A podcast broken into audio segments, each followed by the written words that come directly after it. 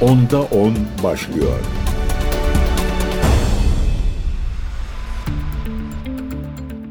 Değerli CGTN Türk takipçileri ben Gökün Göçmen 10'da 10 programına hoş geldiniz. Şöyle sıcak bir son dakika haberiyle başlayalım. Amerika Birleşik Devletleri Başkanı Joe Biden'dan bir açıklama geldi. Biden dedi ki İsrail Ramazan ayı boyunca Gazze'deki eylemlerini durduracak bir son dakika sıcak gelişme haberi olarak sizlere aktarıyoruz. Biden'ın belirttiğine göre İsrail Ramazan ayı boyunca Gazze'deki eylemlerini durdurma kararı aldı. ABD Başkanı Biden dün New York'a yaptığı ziyarette de basın mensuplarının gündeme ilişkin sorularını yanıtlamıştı. Burada da yaptığı açıklamada umuyorum bu hafta sonuna kadar ulusal güvenlik danışmanım çok yakın olduğumuzu söyledi ama daha tamamlamadık. Umuyorum ki gelecek pazartesiye kadar Gazze'de ateşkes sağlanacaktır yanıtını vermişti. İşte o ateşkesin Ramazan ayını kapsayacağını şimdiden söylemek mümkün. En azından Biden'ın yaptığı açıklama bu yönde olacak. E, fakat diğer taraftan tabii bu ateşkes sonrasında neler yaşanacak? Gazze'yi neler bekliyor? Daha da önemlisi Refah e, milyonlarca insanın, e, 2 milyonu aşkın insanı sığındığı bir yerden bahsediyoruz. Refah'ın geleceğine ilişkin e, pek hayra alamet e, senaryolar yok.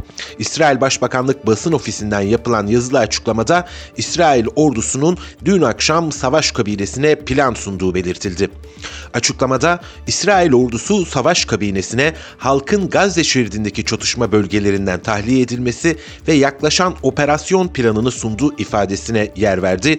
Bölge ismi verilmese de İsrail basını bunun refaha saldırı ve buraya sığınan Filistinlilerin tahliyesini amaçlayan bir plan olduğunu yazdı. Öyle ya Amerika Birleşik Devletleri aslında doğrudan İsrail'in refaha saldırmasına karşı çıkmıyordu. Kayda değer uygulanabilir bir plan olmadan refaha saldırısına karşı çıkıyordu. Dolayısıyla şimdi İsrail refahı tahliye etme planını sözüm ona sivilleri orada koruma planı yapmış ve bunu savaş kabinesine sunmuş. Daha önce benzer planları Gazze içinde yapmışlardı. Ölenlerin büyük bir çoğunluğunun bugün siviller daha da önemlisi kadınlar, çocuklar ve yaşlılar olduğunu ne yazık ki üzülerek okuyoruz, tanıklık ediyoruz. Açıklamada ayrıca savaş kabinesinin Gazze şeridine insani yardım sağlanması planını onayladığı kaydedilmiş. İsrail Başbakanı Benjamin Netanyahu 9 Şubat'ta İsrail ordusundan yerinden edilmiş Filistinlilerin sığındığı Refah'ın tahliyesi ve bu bölgeye saldırı için plan hazırlayarak savaş kabinesine sunmasını istemişti. Yerinden edilmiş Filistinlilerin efendim son sığınağı artık İsrail e, oldu. E, yerinden edilen Filistinlilerin büyük bir bölümü İsrail'in daha önce güvenli olduğunu iddia ettiği Refah'a sığındı. Kuzey bölgelerinden gelenlerle birlikte Refah'ın nüfusu 5 kat artmış durumda. E, revize edeyim rakamı biraz önce 2 milyondan fazla demişim. 2 milyona yakın 1,5 milyondan fazla kişi şu anda Refah'ta. E, Tabi İsrail'in katliamlarının yanında yapılan bu rakamsal hatanın da çok bir öneminin olduğunu düşünmüyorum. Çünkü her gün Refah'ın nüfusu artıyor ve güncel e, sayıları tespit etmekte ne yazık ki e, zorlanıyoruz. Şimdi e, bir tarafta Biden'ın açıklamaları Diyor ki Biden ateşkese çok yaklaştık ama diğer tarafta da Netanyahu'nun hamleleri. Şimdi ne oluyor, ne yapmak istiyor iki lider? Ee, Yakın Doğu Haber'de Alptekin Dursunoğlu'nun bir yazısı var. O demiş ki Netanyahu Biden balonunu patlatmaya çalışıyor demiş. Amerikan basınında yer alan haberlere göre e, ABD'nin ulusal güvenlik danışmanı Jack Sullivan, İsrail, Amerika, Mısır ve Katar'ın Gazze'de geçici ateşkes ve esir takası anlaşmasının ana esasları konusunda uzlaşmaya vardığını açıkladı. İsrail basını da benzer şekilde İsrail siyasi yetkililerinden Gazze'de ateşkes ve esir takası konularında yapılan görüşmelerde ilerlemeler sağlandığını bildirdi ve İsrail basını bu gelişmeleri büyük ilerleme başlığıyla duyuruyor. Zaten geçtiğimiz cuma ABD, İsrail, Mısır ve Katar'ın temsilcileri Paris'te Gazze'de ateşkes ve esir takası anlaşmasına varılabilmesi için görüşmelerde bulunmuştu. İsrail'in Yediot Ahranot gazetesine açıklama yapan bir İsrail lideri esir takası için Paris'te bir müzakere çerçevesi oluşturulduğunu belirtmiş ve önerilen planın savaş kabinesinin ardından da Bakanlar Kurulu'nun daha geniş bir forumuna sunulacağını açıklamıştı. Habere göre görüşmelerin bundan sonraki aşamasında Gazze'de serbest bırakılacak İsrail İsrailli esirler ve İsrail hapishanelerindeki Filistinli tutsaklar konusunda uzlaşmaya varılacaktı ve takas süreci ile ateşkes şartları konularında da karşılıklı anlayış sağlanacaktı. İsrailli kaynağa göre Hamas ilk aşamada 40 İsrailli esirin serbest bırakılması karşılığında 1500'lü Filistinli tutsağın serbest bırakılmasını talep etti ancak bu konuda uzlaşmaya varılamadı. Burayı tekrar edelim. İsrailli bir kaynağın verdiği bilgiye göre Hamas ilk aşamada 40 İsrailli esir serbest bırakacaktı. Karşılığında da 1500 Filistinliyi alacaktı. Ancak bu konuda uzlaşma sağlanamadı. Bununla birlikte Hamas ara bulucuların çatışmayı sona erdirmesi halinde çatışmalara 6 hafta ara vermeye razı olmuştu. İsrail gazetesine göre Katar ve Mısırlı ara bulucular Paris'teki görüşmeler öncesinde ihtiyatlı bir iyimserlik sergileyerek önümüzdeki hafta müzakerelerde bir ilerleme kaydedilebileceğini ima etmişti. Gerçekten de daha önce Kahire'de yapılan görüşmeler sırasında temsilcilerini geri çağıran İsrail, Cuma günü Mossad şefini bölgeye göndermişti. Yani müzakerelere tekrar geri göndermişti. Ee, ancak İsrail'in Kanal 13 televizyonuna bakılacak olursa Netanyahu Paris'ten dönen e, Mossad şefini azarlamış ve Gazze'deki savaşla ilgili uluslararası müzakerelerde daha katı bir İsrail tutumu e, benimsemesini söylemiş. Yani aslında uzlaşmazlığın asıl sebebi burada İsrail gibi e, gözükmekte. İsrail basınında yer alan başka bilgilerden bir tanesi de şu Netanyahu'nun bu sertliğinin arkasında koalisyon hükümetinin çökmesini engelleme niyetinin olduğu. Yani bu kadar aşırı sadece hamlelerin arkasında da e, koalisyonu korumak yatıyormuş. Ama diğer taraftan e, Amerika Birleşik Devletleri'nde de seçim yaklaşıyor ve e, Amerikan kamuoyunda Biden soykırma yardım eden bir e, lider olarak suçlanmamak için bu ateşkesi oldukça önemsiyor. E, ve aslında içeride de Biden'a artık tepkiler zirveye çıktı e, diyebiliriz. ABD kuvvetlerinin çok üzücü bir olay yaşandı. Onu sizlere aktaralım. ABD Hava Kuvvetleri'nde aktif görevde olan 25 yaşındaki bir asker Aaron Banshel dün Washington yerel saatiyle 13 sularında İsrail'in Washington Büyükelçiliği önünde artık soykırım suçuna iştirak etmeyeceğim. Şimdi oldukça şiddetli bir protesto düzenleyeceğim. Ancak Filistinlilerin işgalcilerin elinde yaşadıkları karşısında benim eylemim çok da büyük bir şey değil dedikten sonra başından aşağı benzin dökerek kendini yaktı. E, askeri elbiselerle yanan asker nefesi kesilene kadar Filistin'e özgürlük diye bağırdı. Alevler içinde kaldı. Görüntüler vardı. Ee, bir polis kendisine silah doğrulttu. Diğer polis arkadaşı dedi ki silaha değil yangın söndürücüye ihtiyacımız var dedi. İşte tablo bu şekilde. Bir ABD askeri Washington'da İsrail Büyükelçiliği önünde kendini yakıyor. Yani bu da bu kadar da yani sarsıcı bir eylem Biden'ın aslında ne derece zor bir durumda olduğunu da dünyaya anlatmakta. Ama tabi Pentagon'a bakılacak olursa bu sadece trajik bir olay ve çok da fazla konuşmadılar üzerine. Pentagon sözcüsü Tu General Patrick Ryder günlük basın toplantısında bu ABD'li askerin yani Banshell'in protestosu hakkında soruları yanıtladı. Banshell'in kendisini yakmasının ABD'nin İsrail'in Gazze'deki saldırganlığına verdiği verdiği destek açısından ABD ordusunda büyük bir sorunu işaret edebileceğine dair ABD Savunma Bakanı Lloyd Austin'in endişesi olup olmadığı sorusu üzerine sadece durumu takip ettiklerini aktardı. Pentagon sözcüsü Ryder, ABD Hava Kuvvetleri'nin havacının ölümünü doğruladığını biliyorum. En yakın akrabaların bildirimleri tamamlandıktan 24 saat sonra ek bilgi sağlamayı planlıyorlar. Kesinlikle trajik bir olay havacının ailesine başsağlığı diliyoruz dedi. Oysa soru bu şekilde değildi. Neydi soru? E, bu eylemin, bu trajik eylemin ABD'nin İsrail'e sağladığı destek konusunda bir soru işareti e, yaratabileceğini düşünüyor musunuz diye soruldu. Ancak bu soruyu e, es geçtiler, pas geçtiler deyim yerindeyse. Ama yanıt verselerdi biz İsrail'e verilen desteği şöyle özetleyebilirdik efendim. Mühimmat ve silahlarla başlayalım. ABD, İsrail'in Gazze saldırılarının başlamasından bu yana İsrail'e mühimmat, araç, silah koruyucu ekipman ekipman ve tıbbi malzeme dahil olmak üzere binlerce askeri malzeme sağladı. Aralık 2023 itibariyle İsrail'e 230 kargo uçağı, silah ve askeri teçhizat yüklü 20 gemi gönderdi. Wall Street Journal'ın Aralık 2023'teki haberinde ABD tarafından İsrail'e gönderilen mühimmatın 5400'den fazla MK-84 savaş başlığı bombası ve 5000'den fazla MK-82 güdümsüz bombadan oluştuğu belirtilmişti. Haberde ayrıca 1000 civarı 39 küçük çaplı bomba ve yaklaşık 3000 müşterek doğrudan taarruz mühimmatının bulunduğu kaydediliyordu. Wall Street Journal'a göre yaklaşık 15 bin bomba ve 57 bin top mermisinin bulunduğu silah sevkiyatı İsrail'e C-17 tipi askeri kargo uçaklarıyla gönderildi. Şubat başında ABD'nin İsrail'e 10 milyonlarca dolar değerinde bomba ve mühimmat göndereceği zaten medya kuruluşlarında yer almıştı. Biz de sizlere bunları aktarmıştık. El Cezire'nin de Wall Street Journal'a dayandırdığı habere göre silah sevkiyatı hepsinden yaklaşık 1000 adet olmak üzere MK-82 bombaları, güdümsüz bombaları, güdümlü akıllı bombalara dönüştürebilen KMU-572, müşterek doğrudan taarruz mühimmatı ve FMU-139 bomba e, kitlerini içeriyor efendim. Bunlar sadece gönderilen bombalar. Bir de hava desteği var İsrail'e. Uçak gönderiyor. ABD ve İsrail F-35 ve F-15 uçaklarının İsrail'e tedariğini içeren silah anlaşmalarını da imzalamıştı. Bunu da e, aktarmış e, olalım. ABD Senatosu 14 milyar doları İsrail'e ta- tahsis edilen ve toplam değeri 95.3 milyar dolar olan yardım paketini de onayladı.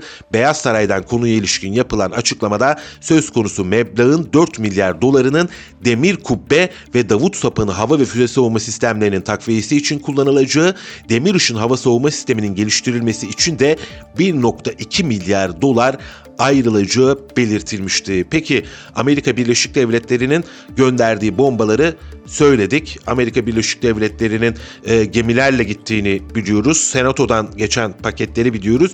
Bir de istihbarat desteği var efendim. ABD Savunma Bakanı Lloyd Austin 7 Ekim sonrasında ülkesinin İsrail'e istihbarat ve strateji desteği verdiğini duyurmuştu. The Intercept'in haberine göre Kasım 2023'ün sonuna doğru Amerika Birleşik Devletleri İsrail'in hava saldırılarına destek vermesi ve gerekli istihbaratı toplaması için hava kuvvetlerini bölgeye konuşlandırdı.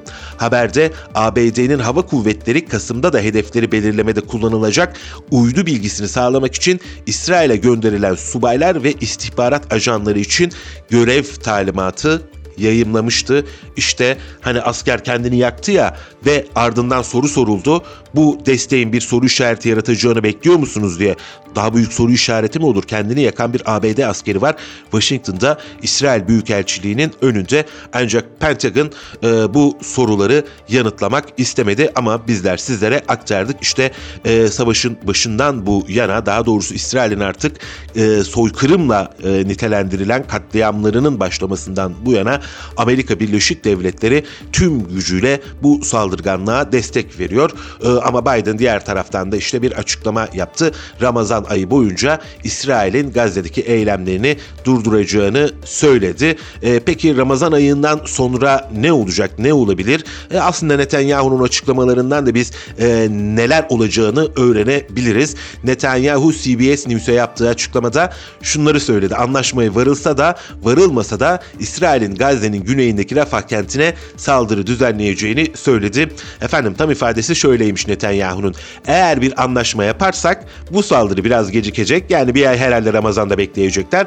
Ama bir anlaşma yapmazsak bu saldırı yine gerçekleşecek. İşte şimdi bu noktaya gelmiş bulunuyoruz. Yani öyle büyük kapsamlı kalıcı bir barışı beklemeyin. Bir ay boyunca eğer Biden e, sözünü tutabilirse, e, İsrail lideri Netanyahu dinlerse bir ay boyunca e, insanlar daha az ölecekler diyelim. Muhtemelen İsrail'e saldırıları yine devam edecektir ara ara bölgelerde işte karşılık verdik diyerek saldırılara yanıt verdik diyerek ama tabii elbette bu rakamlar çok çok daha aşağı inecek ama bir ay boyunca peki bir ayın ardından ne olacak? İşte bir buçuk milyondan fazla insanı sığındığı Refah'a bir saldırı e, uluslararası toplumun tüm baskısına rağmen İsrail bir saldırı gerçekleştirecek. Tabi uluslararası toplumun baskısı e, sözlü bir baskı. Eğer pratik adımlar atılabilseydi buraya kadar gelmezdik.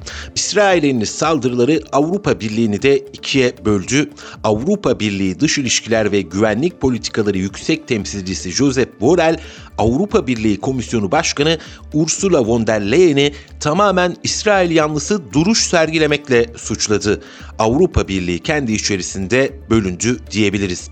Borrell İspanya'nın El País gazetesine verdiği röportajda von der Leyen'in tamamen İsrail yanlısı bir duruş sergilediği, uluslararası politika konusunda kendisinden başka kimseyi temsil etmeyen İsrail gezisinin Avrupa açısından jeopolitik maliyeti oldukça yüksek olduğu değerlendirmesinde bulundu. AB Yüksek Temsilcisi Borrell gerek Rusya-Ukrayna savaşı gerekse İsrail'in Gazze'ye yönelik saldırılarından dolayı Avrupa Birliği'nin şimdiye kadar sergilediği siyasi tavrı eleştirerek politikalardan dolayı batıda bir kasırganın yaklaştığı benzetmesinde bulundu.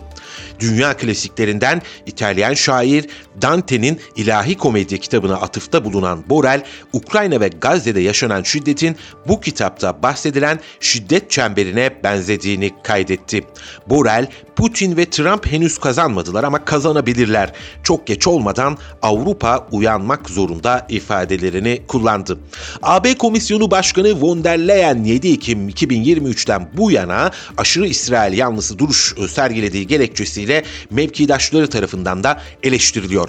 İsrail'in Gazze'ye şiddetli saldırılarının 6. gününde bu ülkeye sözde dayanışma ziyaretinde bulunan von der Leyen'in AB'nin İsrail'e koşulsuz desteğini sunması dikkat çekmişti. İsrailli yetkililerle temaslarında Gazze'deki insani duruma değinmeyen von der Leyen, sivilleri ve altyapıyı hedef alan saldırıların durması ile ilgili hiçbir çağrıda bulunmamıştı. Avrupa Birliği çalışanları 20 Ekim'de ortak mektup kaleme alarak von der Leyen'i İsrail'i kayıtsız şartsız desteklemek yerine ateşkes ve sivil yaşamın korunmasına yönelik çağrıda bulunmaya davet etmişti. Aradan geçen 4 ayda von der Leyen konuya ilişkin açıklamalarında öncelikli olarak İsrail'in kendisini savunma hakkından söz etmeyi sürdürdü. Çatışmaların bölgeye yayılma riskine sık sık değinen von der Leyen, gelecekte bu tür durumların önüne geçilmesi için iki devletli çözüme yatırım yapılması gerektiği gibi yüzeysel argümanları dillendirmekle yetiniyor. Von der Leyen Gazze'deki durumla ilgili ise yalnızca Avrupa Birliği'nin insani yardım çalışmalarına atıfta bulundu. Başta Avrupa Birliği'nin başkenti konumundaki Brüksel olmak üzere Avrupa sokaklarında düzenlenen Filistin'e destek gösterilerinde de von der Leyen protestocuların hedefinde yer alıyor. Von der Leyen'in fotoğrafının bulunduğu pankartlarda soykırımın suç ortağı yazısına sık sık rastlanırken Alman siyasetçinin ismi yuhalanmakta. Vatandaşlar kadar Avrupa Parlamentosu milletvekilleri de von der Leyen'in duruşunu sert dille eleştirmekte. Bunlardan İrlandalı sol grup üyesi Clara Daly'nin von der Leyen'e bayan soykırım şeklinde hitabı sosyal medyada yoğun şekilde paylaşılmıştı. Von der Leyen'in İsrail'e koşulsuz desteğini sunduğu açıklamaları Uluslararası Adalet Divanı'ndaki soykırım davasında İsrail'i savunan avukat tarafından dahi alıntılanmıştı. İşte böyle bir isimden von der Leyen'den bahsediyoruz.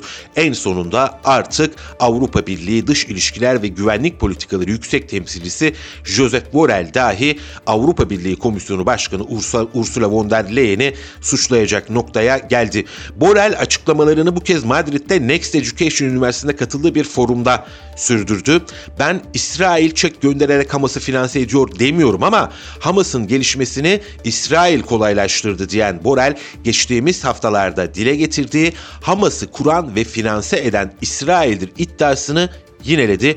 Borel'den dikkat çekici açıklamalar gelmeye devam ediyor. Borel geçtiğimiz haftalarda da yaptığı açıklamada e, İsrail'e gidip ricacı olmak yerine neden silah tedariğini kesmiyorsunuz diye ülkelere çıkışmıştı. İşte bu kez de Hamas'ı kuran ve finanse eden İsrail'dir tezini yineledi. Böyle bir tez var ve Avrupa Birliği Yüksek Temsilcisi İsrail'in Fethi hareketine karşı bir güç yaratarak Filistinlileri bölmeye çalıştığı tartışılmaz bir gerçektir. İsrail Başbakanı Benjamin Netanyahu Netanyahu'nun parlamentosunda kendi grubu önünde kamuoyunda söylediği çok iyi bilinen bir söz var. İki devletli çözüme karşı olanların Hamas'a katkıda bulunması ve finansmanını kolaylaştırması gerekir. Ben bu sözü tekrar yinelemekle yetiniyorum şeklinde konuştu. Diğer yandan konuşması sırasında Filistin devletinin tanındığı iki devletli çözüm önerisini de yineleyen Borel, İsrail'i buna karşı çıkmak ama aynı zamanda hiçbir çözüm ortaya koymamakla eleştirdi.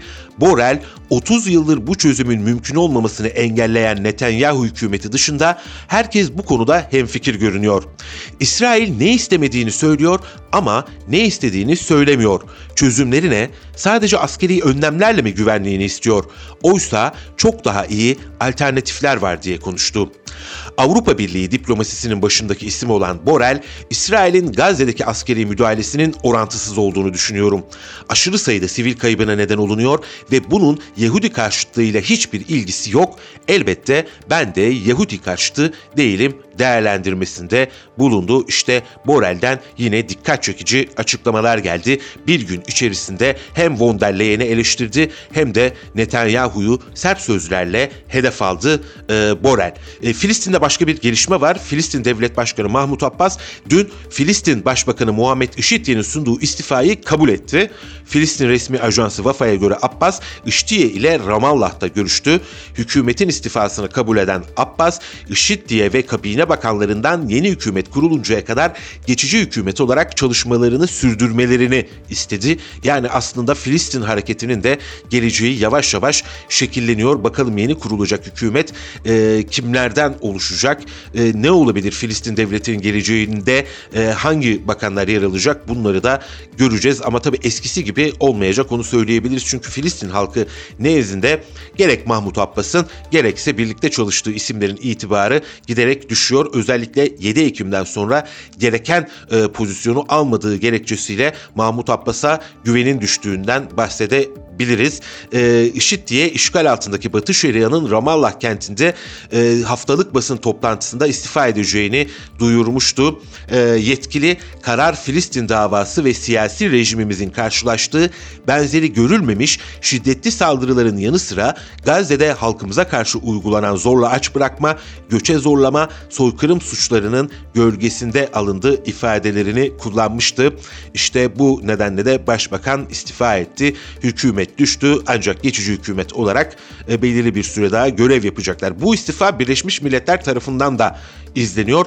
Birleşmiş Milletler Sözcüsü Stefan Dujarric günlük basın toplantısında yaptığı açıklamalarda Genel Sekreter Antonio Guterres'in gelişmeleri not ettiğini vurgulayarak Birleşmiş Milletler'in Filistin halkına destek olmaya devam edeceğinin altını çizdi. Dujarric, Gazze dahil tüm Filistin topraklarını yönetecek güçlü Filistin hükümetinin kalıcı barış yolunda kritik öneme sahip olduğuna da işaret ediyor. Güçlü bir hükümet, güçlü bir Filistin e, temennisinde bulunmuş. Filistin dosyasını şimdilik kapatalım. Şöyle bir Ukrayna'ya uzanalım. Çünkü New York Times gazetesinde son derece enteresan bir haber yer aldı dün. E, New York Times gazetesinin haberine göre Amerika Birleşik Devletleri geçtiğimiz 8 yıl boyunca Ukrayna'nın Rusya sınırı yakınlarında 12 casus üssü kurmasına yardımcı oldu. Merkezi İstihbarat Teşkilatı'nın Rusya, Avrupa, Küba ve diğer yerlerde faaliyet gösteren yeni nesil Ukraynalı casusların eğitilmesine yardımcı olduğu belirtilen haberde Şimdi ABD istihbarat kurumlarının Ukrayna'ya füze saldırıları için istihbarat sağladığı, Rus birliklerinin hareketlerini izlediği ve casus ağlarının sürdürülmesine yardımcı olduğu kaydedildi. Gazeteye göre Rus birlikleri Ukrayna'ya müdahale etmeden kısa bir süre önce Rusya Devlet Başkanı Vladimir Putin ülkeyi CIA ve e, MI6'nın kontrol ettiği konusunda bilgilendirildi. Ortaklığın ayrıntıları 10 yıldır yakından korunan bir meseleydi aslında. New York Times, Ukrayna, ABD ve Avrupa'dan mevcut ve eski yetkililer arasından 200'den fazla kişiyle görüşmüş. Gazetenin muhabiri ağın tesislerinden birini ziyaret etmiş, 12 casus üssünün neredeyse tamamı CIA tarafından finanse ediliyormuş ve kısmen donatılıyormuş. Gazeteye konuşan üst düzey Avrupalı bir kaynak, Putin'in 2021'in sonlarında Ukrayna'ya asker göndermeyi düşündüğü sırada Rusya'nın ana istihbarat kurumlarından birinin başkanıyla görüştüğünü söylemiş. İddiaya göre bu kişi başkana CIA'in İngiliz MI6 ile birlikte Ukrayna'yı kontrol ettiğini ve Moskova'ya karşı operasyonlar için bir sıçrama tahtasına dönüştürdüğünü aktardı. Gazeteye göre Putin'leri çok önemli bir dinamiği yanlış anlamışlar.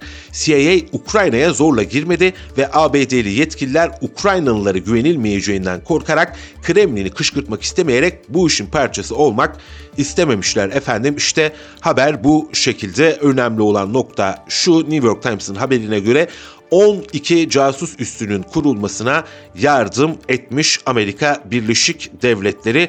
E, bu aslında bilinen bir sırrın, herkesin bildiği bir sırrın tekrarı olsa gerek. Zaten gizli işbirliği e, Obama döneminde, Donald Trump döneminde e, varmış, Biden'la da devam etmiş.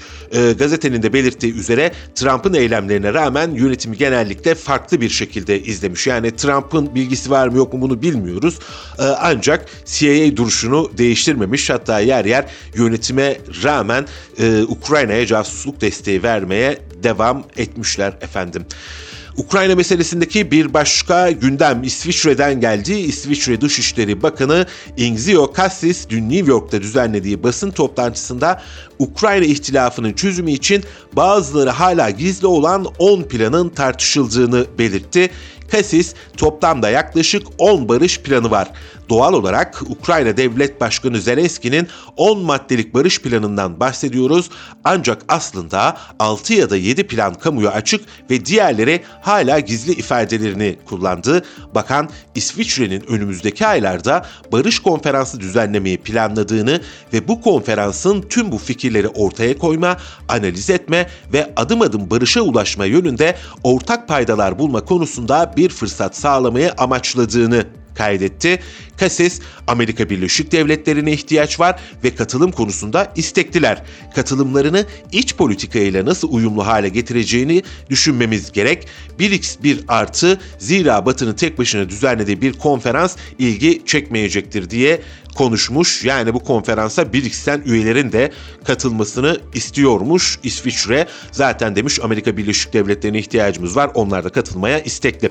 Kasım 2022'de Zelenski G20 zirvesinde Ukrayna'da barışın formülünün ülkenin toprak bütünlüğünün yeniden tesis edilmesi, Rusya ordusunun ülke topraklarından çekilmesi, çatışmanın sona erdirilmesi ve gıda, enerji ve nükleer güvenliğin sağlanması dahil olmak üzere 10 koşul sıralamıştı. Bir yıl önce 24 Şubat 2023'te Çin Ukrayna ihtilafının çözümü konusunda 12 maddelik bir plan sundu. Pekin'in ana tezleri tüm ülkelerin egemenliğini ve toprak bütünlüğüne ve uluslararası hukuk normlarına saygı, soğuk savaş zihniyetinin reddedilmesi, ateşkes ve çatışmaların durdurulması, barış müzakerelerinin başlatılması, insani krizin çözümü, sivillerin ve savaş esirlerinin korunması, nükleer santrallerinin güvenliğinin güçlendirilmesi, stratejik risklerin azaltılması ve nükleer silah kullanımının önlenmesi olarak Çin'in 12 maddesi vardı. Bu maddeleri aslında dün de size zaten aktardım. 3 e, yıl boyunca daha doğrusu 3. yılına giren krizde Çin'in hangi pozisyonunda olduğunu da dün uzun uzun tartışmıştık. Bu arada internet sitemizde de e, cgtntürk.com.tr'de de bu konuyla ilgili çok sayıda habere ulaşmanız mümkün. Tavsiye edilir ne demişler? Söz uçar yazı kalır demişler. Artık tabii söz de uçmuyor. Bizi Spotify'dan da dinlemeniz istediğiniz zaman mümkün. Kasis'in açıklamalarını takiben Zelenski, Ukrayna'nın herhangi bir ülkedeki seçimden sonra oradan Kiev'in çıkarlarına uymayan bir barış girişimi duymak istemediğini söyledi.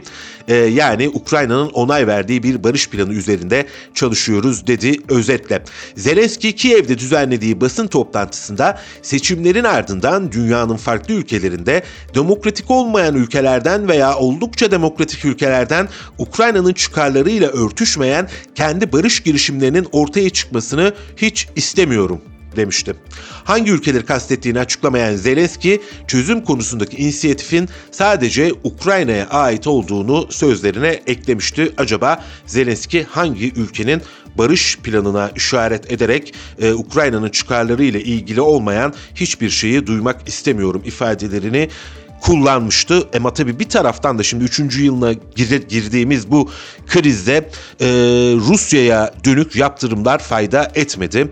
E, Ukrayna'ya yapılan askeri yardımlar Rusya'yı durdurmaya yetmiyor. Dolayısıyla acaba müzakere masasına oturulacaksa kimin eli güçlü bunu da e, dikkatle izlemek gerekiyor. Ama tabii müzakere kelimesinin bu kadar sıklıkla kullanılması dahi iyi bir şey. Geçtiğimiz günlerde Rusya Devlet Başkanı Vladimir Putin de Tucker Carlson'a verdiği röportajda İstanbul'daki müzakerelere dikkat çekmişti. Müzakerelere anı, anımsatıp aslında orada anlaşmaya yakın olduklarını söylemişti. Şimdi neden olmasın Putin de kapıları kapatmış değil e, ancak burada savaşın devam etmesini isteyen belli güçlerinde olduğunu görmek mümkün. Özellikle uzun bir savaşla Rusya'yı yıpratmak ve uzun vadede e, yalnızlaştırmak istedikleri e, Çin'e yönelmek isteyen bir Amerika Birleşik Devletleri'nin varlığı da inkar edilemez. Birleşmiş Milletler Genel Sekreteri Antonio Guterres'in silahsızlanma konferansı açılışındaki konuşmasıyla silahsızlanma konferansı ve ondan önceki yapıların küresel bölünmenin maksimum düzeyde olduğu soğuk savaş döneminde şekillendiğini belirten Guterres, uzun yıllar bu organların küresel silahsızlanma gündeminin omurgasını oluşturan anlaşmaların hazırlanmasında önemli rol oynadığını söyledi. Antonio Guterres, silahsızlanma konusunda gerçeklerle yüzleşmek gerektiğini işaret ederek bir süredir silahsızlanma konferansı amaçlandığı gibi işlemiyor, aslında bu konferans başarısız olduğu itirafında bulundu. Bu başarısızlık küresel güvenin dağıldığı bir dönemde yaşıyor ifadesini kullandı. Yasa dışı hafif silahların çoğalmasına ve yerleşim yerlerinde patlayıcı cihazların kullanıldığına şahit olduklarını vurgulayan Guterres, orduların yapay zeka ve otonom silah sistemleri de dahil yeni ve gelişmekte olan teknolojilerin korkunç yeni uygulamalarını geliştirdiğini dile getirdi. Guterres, nükleer risk soğuk savaşın en derin dönemlerinden bu yana görülen en yüksek seviyeye ulaştı. Bazı liderler düzenli olarak nükleer cehennemi açığa çıkarmaya hazır olduklarını ima ediyorlar. Bu durum dünyanın net ve güçlü şekilde kınaması gereken korkunç bir tehdit değerlendirmesinde bulundu. Nükleer silahların yayılmasının önlenmesi anlaşması da dahil tüm nükleer silahsızlanma taahhütlerinin uygulanmasının hızlandırılması gerektiğinin altını çizen Guterres, nükleer denemelerin kapsamlı yasaklanması anlaşmasının yürürlüğe konulması çağrısını yineledi. Guterres, eğer bir silahsızlanma konferansı her yıl anlamlı bir silahsızlanmaya yol açmıyorsa bir şeyler temelde yanlıştır. İnsanlığın işine yarayacak bir silahsızlanma konferansına ihtiyaç var. Bu konferansta acilen reform yapılmaya ihtiyaç var diye konuştu. Diplomatik çıkmaza rağmen silahsızlanma konferansının hayati öneme sahip olduğuna işaret eden Guterres, en etkili silahsızlanma aracının kapsayıcı diplomasi olduğuna ve buna acilen ihtiyaç duyulduğuna dikkat çekti. Efendim çok taraflı silahsızlanma ve silahların kontrolünün e, gerçekleştirilmesi amacıyla Birleşmiş Milletler Genel Kurulu 1. Silahsızlanma Özel Oturumu e, çok tarafsızlı silahsızlanma müzakere forumu olarak 1978'de kurulmuştu ve 65 üyesi bulunmakta. Türkiye'de buranın içerisinde hatta konferansın dönem başkanlığını Türkiye 2018'de üstlenmişti. Şimdi silahsızlanmadan bahsederken bir silahlı örgütün haberiyle devam edelim. NATO'dan bahsediyorum. Macaristan Ulusal Güvenlik Meclisi'nde düzenlenen oturumda İsveç'in NATO'yu üyeliğine ilişkin oylama yapıldı. İsveç'in NATO'ya üyeliği için 188 milletvekili evet oyu kullanırken 6 milletvekili ise hayır oyu verdi. Böylece Macar Meclisi İsveç'in NATO üyeliğini onaylamış oldu. İsveç yönetimi Macaristan'ın onayıyla NATO'ya üye olan bütün ülkelerin ön onayını böylelikle aldı.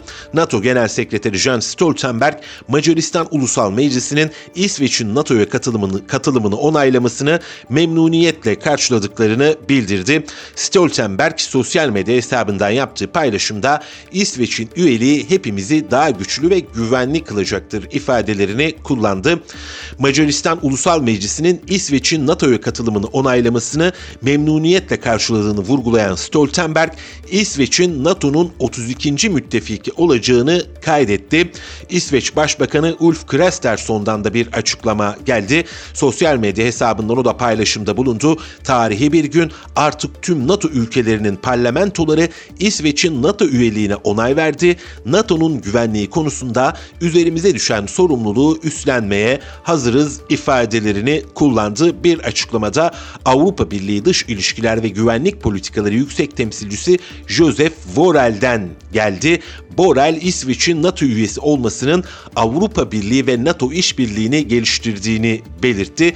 Sosyal medya hesabından yaptığı açıklamada İsveç'in NATO'ya katılımında şöyle söyledi. AB üyesi 23 ülke NATO'ya üye, üyedir. Bu durum Avrupa Birliği ve NATO'yu daha güçlü kılmakta ve stratejik AB-NATO işbirliğini geliştirmektedir. İşte silahsızlanma konferansının ardından da genişleyen NATO'nun haberini veriyoruz. Aslında silahsızlanma konferanslarının etkisiz kaldığını da zaten e, doğrudan Birleşmiş Milletler Genel Sekreteri Antonio Guterres itiraf etmişti. İşte o NATO, o genişleyen NATO bir tatbikata başlıyor. NATO'nun su üstü ve denizaltı harbi konularında müttefik ülkeler arasındaki işbirliğini geliştirmek ve eğitim seviyesini yükseltmek amacıyla düzenlediği Dinamik Manta 2024 tatbikatı 26 Şubat 8 Mart'ta gerçekleşecek.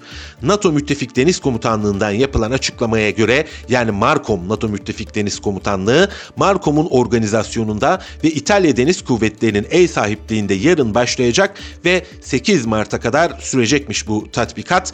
E, kimler katılıyor? Türkiye yer alıyor. Kanada, Fransa, Almanya, Yunanistan, İtalya, İngiltere ve Amerika Birleşik Devletleri yer alıyor. Dinamik Mantı 2024 tatbikatı tüm katılımcı ülkelerin birlik ve unsurlarına sürekli gelişmekte olan su altı ortamında denizaltı mürettebatının yüzeyin altındaki her türlü tehdide yanıt vermesi konusunda birlikte çalışabilirlik ve yeterliliklerini arttırmayı hedefliyormuş efendim. Akdeniz'deki en büyük ve en karmaşık denizaltı savunma harbi çalışması olarak tanımlanan tanımlanan tatbikata Türk Deniz Kuvvetleri'nden bu yıl Preveze denizaltılarından TCG Anafartalar ile Gabya sınıfı fırkateyni e, TCG Gediz katılacakmış. İşte böyle bir tablo. Son olarak Peskov'un açıklamalarına geçelim. Türkiye'den bahsettik. Kremlin sözcüsü Dmitri Peskov dün basın mensuplarıyla buluştu ve e, Putin'in beklenen ziyaretine ilişkin önemli mesajlar verdi. Peskov dedi ki bu ziyaret yani Putin'in planlanan ziyareti 15-17 Mart'taki seçime kadar yapılmayacak. Ee, Rusya Devlet Başkanı Vladimir Putin'in seçime kadar yeterince yoğun ve stresli programı var. Erdoğan'ın da programı yeterince yoğun ancak yüksek düzeydeki temaslar için hazırlık yapılıyor. Bu temaslar her iki liderin programına uygun şekilde gerçekleşecek diye konuşmuş e, Kremlin sözcüsü Dimitri Peskov. Bu arada Navalny'nin ailesine baskı yapıldığı yönündeki iddiaları da değerlendirmiş. Ee, Rusya'da 16 Şubat'ta cezaevinde öldüğü bildirilen Rus muhalif Alexei Navalny'nin annesi Ludmila Navalya'ya baskı yapıldığı konusundaki açıklamaları değerlendiren Peskov, bu durumda bunları hiçbir şekilde değerlendirmiyoruz. Çünkü Kremlin'in bununla hiçbir ilgisi yok. Dolayısıyla Kremlin baskı kuramaz. Navalny'nin taraftarlarının bu açıklamaları açıkça saçma. Taraftarların hemen hemen hepsi yurt dışında bulunuyor ve aranıyor ifadelerini kullanmış. Bir de Avrupa'ya mesaj vermiş. Batılı ülkelerin Ukrayna'daki savaş nedeniyle Rusya'ya yönelik yaptırımlara e, değinen Peskov ki 13. yaptırım paketini açıkladı biliyorsunuz Avrupa Birliği. Burada yeni bir şey yok diyor Peskov. Bunlar bumerang gibi çalışıyor. Bize uygulanan yaptırımlar nedeniyle öncelikle Avrupa ekonomisi ciddi sıkıntı yaşıyor. Amerikan şirketleri de zarar görüyor. Rus ekonomisi istikrarlı olduğunu gösterdi. Bu duruma uyum sağladı ve gelişmeye devam ediyor ifadelerini kullanmış. Sözcü Peskov, Danimarka'nın kuzey yakın 1 ve 2 doğal gaz boru hatlarında 2022'de meydana gelen patlamalara ilişkin soruşturma sürecini sonlandırılma kararında değerlendirmiş ve bunun şaşırtıcı ve saçma olduğunu söylemiş. Değerli CGTN Türk takipçileri ben Gökün Göçmen. Bugünlük programımızın sonuna geldik.